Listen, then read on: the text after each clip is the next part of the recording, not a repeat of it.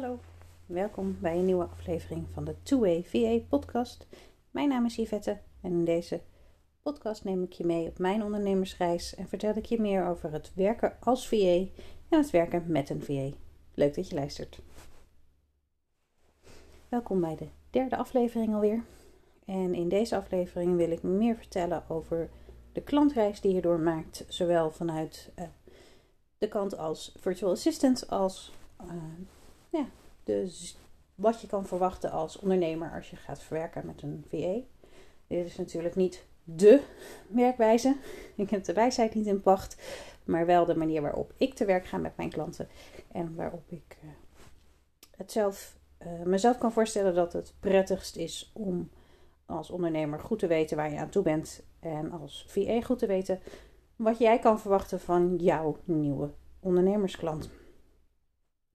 En elke nieuwe samenwerking begint natuurlijk met een eerste contact. Uh, zoals ik in mijn vorige podcast al vertelde, kan dat contact op heel veel verschillende plekken tot stand komen. Bij mij uh, ging het, varieerde dat van dat ik zelf het eerste contact heb gelegd door te mailen. En dat kan via via ontstaan, omdat iemand waarmee je al samenwerkt zegt tegen een ander: hey, ik ken nog wel een leuke VA. Um, en voor jou ook als ondernemer. Je kan een heleboel verschillende manieren bewandelen om in contact te komen met toffe VA's. Er zijn natuurlijk, nou, wat ik net al zeg, de route via andere ondernemers die al met een VA werken en al een succesvolle samenwerking hebben opgezet. Die kan je natuurlijk benaderen en zeggen: hey, hoe is dat contact gelegd? Heeft jouw VA, zou jouw VA wellicht ook bij mijn vragen passen? En ook de vraag van hey, heeft deze VA nog ruimte voor nieuwe klanten? Kun je mij eens in contact brengen? Um, je kan een oproep plaatsen op Facebook. Er zijn heel veel ondernemende vrouwengroepen um, of andere vormen van ondernemers die specifiek gericht zijn op jouw branche. Dus ondernemers in de tuinbranche, ik noem maar even wat. Er zijn een heleboel verschillende wegen, zeker binnen, binnen Facebook, uh, waarin veel mensen actief zijn. En die ook elkaar wijzen op mogelijkheden of op uh, mogelijk goede connecties. En je kan natuurlijk via je eigen ondernemersnetwerk of via je eigen VA-netwerk uitzetten van hé, hey, ik heb ruimte voor een nieuwe klant um, of voor een nieuwe samenwerking. En op die manier het eerste contact aangaan. En dat is vaak in het vorm van ja, in mijn geval in ieder geval ging dat vaak in de vorm van ik kom er niet meer uit in mijn eentje ik heb hulp nodig. En kan jij misschien die hulp bieden? Laten we eens kijken wat er mogelijk is. En zo ga je aan de slag als je in ieder geval een eerste connectie en een eerste klik hebt gelegd, waarin je denkt: hé, hey, nou, dat voelt, die eerste klik is aanwezig. Laten we eens wat verder kennis maken dan alleen dit contact via social media of via de app. Ik probeer het liefst een persoonlijke afspraak te plannen, maar um, de twee redenen waarom dat niet altijd lukt, is omdat we niet altijd heel dicht bij elkaar wonen. Zo heb ik ondernemers, uh, iemand in Friesland. Ik werk samen met iemand uh, ergens in Rotterdam. Ik woon zelf in het midden van het land, dus ik ben redelijk flexibel. Maar ook vanuit hier is Friesland toch nog wel een aardig stukje rijden. Dus ook heel veel van mijn kennismakingen hebben plaatsgevonden via Skype, Zoom of wat voor tool dan ook. Um, ik kies wel altijd bewust voor videobellen, want een een groot deel van de klik en de connectie zit hem toch ook echt wel in het persoonlijke contact. Elkaar kunnen zien en um, ook elkaars gedrag kunnen observeren. Lichaamstaal is uh, een groot onderdeel van uh, En je moet echt op alle vlakken een knik en een connectie kunnen vinden, voelen. Voordat je zover gaat samenwerken, dat je ook echt een VA toelaat in jouw bedrijf. Dat is een grote stap. Dat is ook iets wat je als VA niet moet vergeten. Het is een grote stap voor een ondernemer om uh, zijn of haar verhaal te vertellen. Je mee te nemen in uh, de ondernemersreis. In, um, en ook je toe te vertrouwen in de diepe krochten van uh, de onderneming. Alle rotzooi en ook alles wat wel goed laten zien. hoe heb je een bedrijf opgebouwd? Dat moet je delen met je VA. tuurlijk blijf je eindverantwoordelijk en kies je er voor wat je deelt. Maar het is belangrijk om een VA goed mee te nemen in je bedrijf.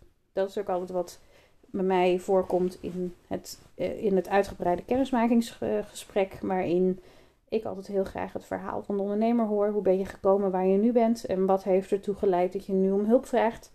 Of om het, de keuze maakt om je team uit te breiden en zaken uit handen te geven.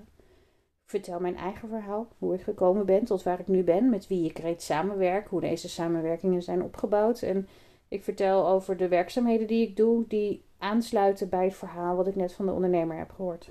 Want als een ondernemer bij mij komt met een vraag die puur gericht is op marketing of op het schrijven van social media teksten, dat is niet waar mijn kracht ligt. Dus laten we daar maar zo snel mogelijk uitkomen.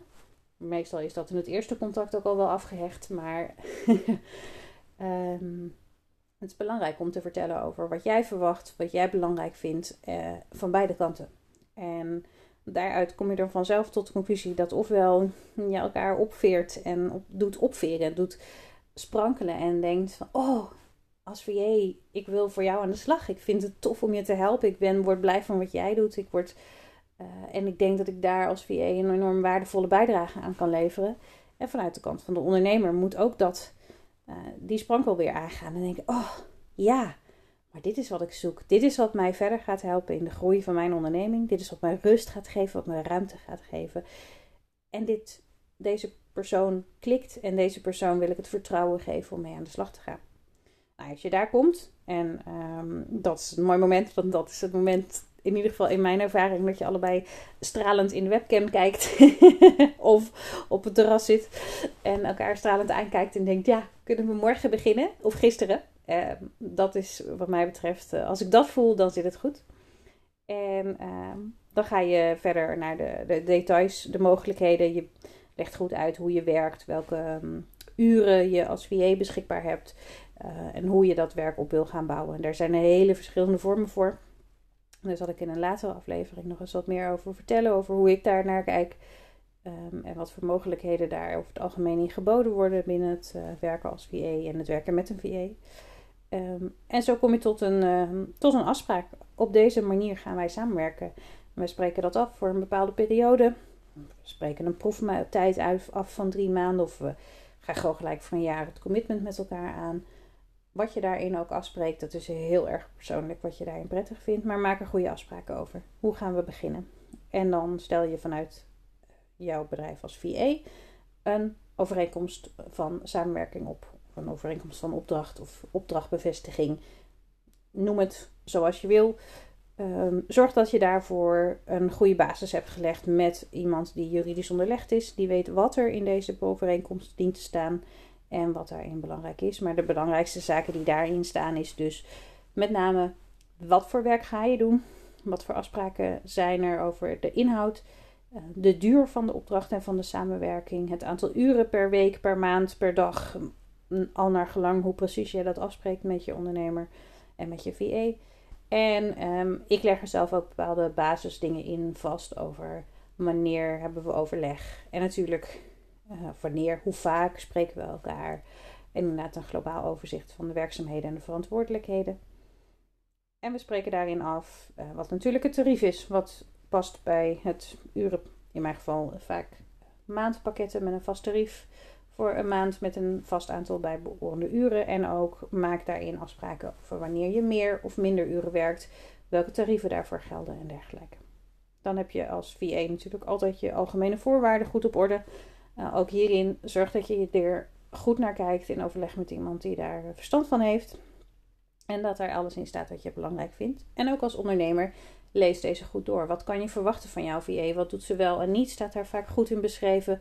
Ook wanneer, wat doe je op het moment dat het niet uh, prettig verloopt? En wat zijn de betaalverplichtingen die je aangaat als ondernemer op het moment dat je de overeenkomst tekent? Uh, vanuit uh, de AVG is het vrijwel onvermijdelijk in een samenwerking met een VA om ook een overeenkomst, een verwerkersovereenkomst, moet ik het goed zeggen, aan te gaan. Omdat er, nou, ik kan me eigenlijk niet een situatie bedenken waarin je als VA en ondernemer met elkaar samenwerkt, waarin er geen persoonsgegevens of andere AVG-gerichte ehm, gegevens verwerkt worden. Dus dan is het belangrijk om ook dat uh, zwart op wit vast te leggen. Dus maak van tevoren alvast een korte kleine inventarisaties van de programma's waarmee de ondernemer werkt en waarmee jij als VA ook uh, toegang zou, toe zal krijgen en welke gegevens daarin verwerkt worden. Dus ga je nieuwsbrieven versturen, dan kom je dus in het mailprogramma terecht wat deze ondernemer gebruikt. En heb je inzicht in namen en e-mailadressen. Dat zijn zaken die je opneemt in een verwerkersovereenkomst. Ook hiervoor geldt, zorg dat je de juiste juridische informatie inwint. Ehm, zodra alle papieren en dergelijke heen en weer gestuurd zijn en op boord zijn ondertekend, uh, worden de afspraken nog wat verder verduidelijkt over wat is de eerste werkdag, wanneer hebben we een kick-off overleg en ehm, welke uren ga je wanneer werken. Ook dat is helemaal afhankelijk van de opdracht en de afspraken die, je, die je in een eerste stadium al hebt gemaakt, maar zorg dat ook deze nog weer even gefine-tuned zijn, echt naar datum en tijd. En plan dus ook het eerste werkoverleg en het eerst vooral, in mijn geval kies ik er altijd voor om te starten met een echt een uitgebreide kick-off meeting. Hier plan ik twee uur tijd voor in. Ik zorg en dan gaan we echt starten. Ik plan met mijn ondernemers dan een kick-off van twee uur, dus wat ik zeg. En daarin uh, ja, gaan we nog een keer wat meer in detail het bedrijf in. Wat voor programma's werk je, werk je mee? Heb ik daar de juiste toegangsrechten voor?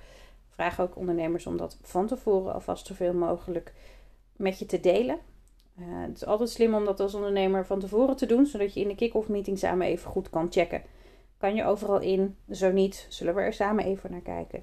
Er zullen programma's zijn waarbij je bij de eerste inlog een uh, two-factor authentication in moet dienen. Nou, dat is fijn als je dan live met elkaar bent, zodat eventuele codes uitgewisseld kunnen worden via een veilige verbinding. Um, je kan uh, ervoor kiezen om een beveiligd document op een, op een drive te zetten waar de VA in kan met een wachtwoord, wat je via een andere route met elkaar deelt, waardoor wachtwoorden en dergelijke altijd veilig opgeslagen worden. Ik werk zelf altijd samen met LastPass, een wachtwoordtool waarin uh, kluis, zeg maar, waarin alles veilig wordt opgeslagen. Ik als uh, VA ook altijd in de cloud kan werken, waar ik ook ben. Dat doe ik ook altijd alleen maar vanaf mijn eigen uh, wifi of uh, verbinding met mijn telefoon. Nooit op een openbaar netwerk. Ook dat zijn zaken waar je over na kan denken. Maar wellicht is het goed om over dat soort veiligheidsmaatregelen nog eens een aparte aflevering op te nemen.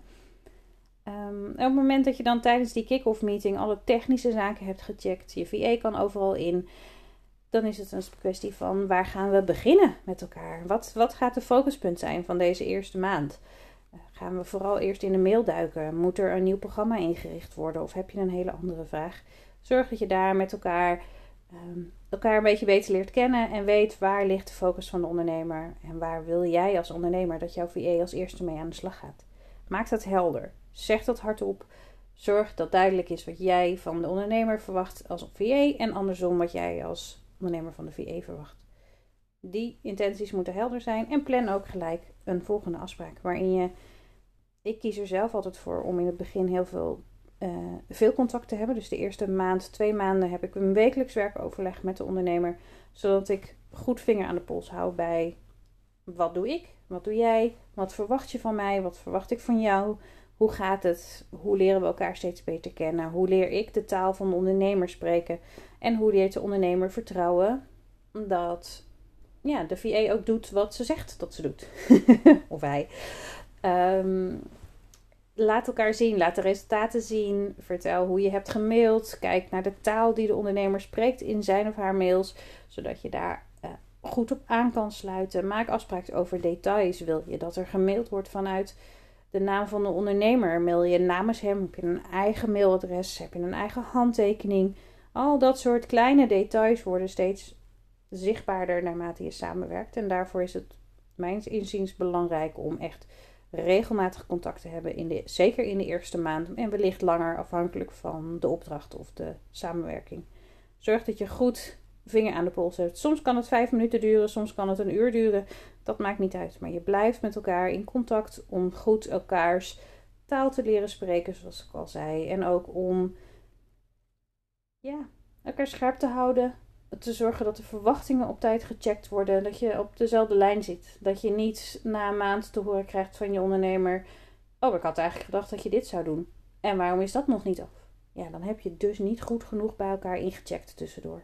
En als jij als VA denkt: Ja, ik hoor niks, dus ik zal wel niks hoeven doen. Dan gaat het ook niet goed. Blijf inchecken, blijf contact houden en bespreek ook goed af. Spreken we elkaar alleen tijdens deze online momenten waarin we, of offline als je heel dicht bij elkaar in de buurt woont. Ik ga even uit van online momenten. Is dat het moment dat we elkaar spreken? Of hebben we ook tussendoor contact? Via WhatsApp, via voice messages, via de mail. Wat vinden we prettig? En van beide kanten, wat vind je prettig? Dus ga niet je nieuw klant bombarderen met voice notes als deze daar helemaal niet op zit te wachten. En liever een mail wil één keer in de week waarin je alle punten op een rijtje zet. Dat soort zaken, dat stem je af in die eerste periode, zodat je goed aan elkaar gewend raakt. Zodat je goed weet wat je van elkaar kan verwachten, dat vertrouwen opgebouwd wordt en zo de samenwerking steeds meer vanzelf gaat. En als het wat meer vanzelf gaat, dan kan dus uh, overlegfrequentie terug naar één keer in de twee weken, één keer in de maand. Nogmaals, allemaal afhankelijk van type opdracht en de inhoud van de samenwerking. En dan heb je dus van dat eerste contact een tevreden samenwerking opgericht. In ieder geval, dat is hoe het bij mij verlopen is. Maar soms kan het ook, ook bij mij is het zelfs al wel een keer voorgekomen, dat je na zo'n tijdje merkt van hé, hey, onze talen, onze manieren van werken liggen te ver uit elkaar.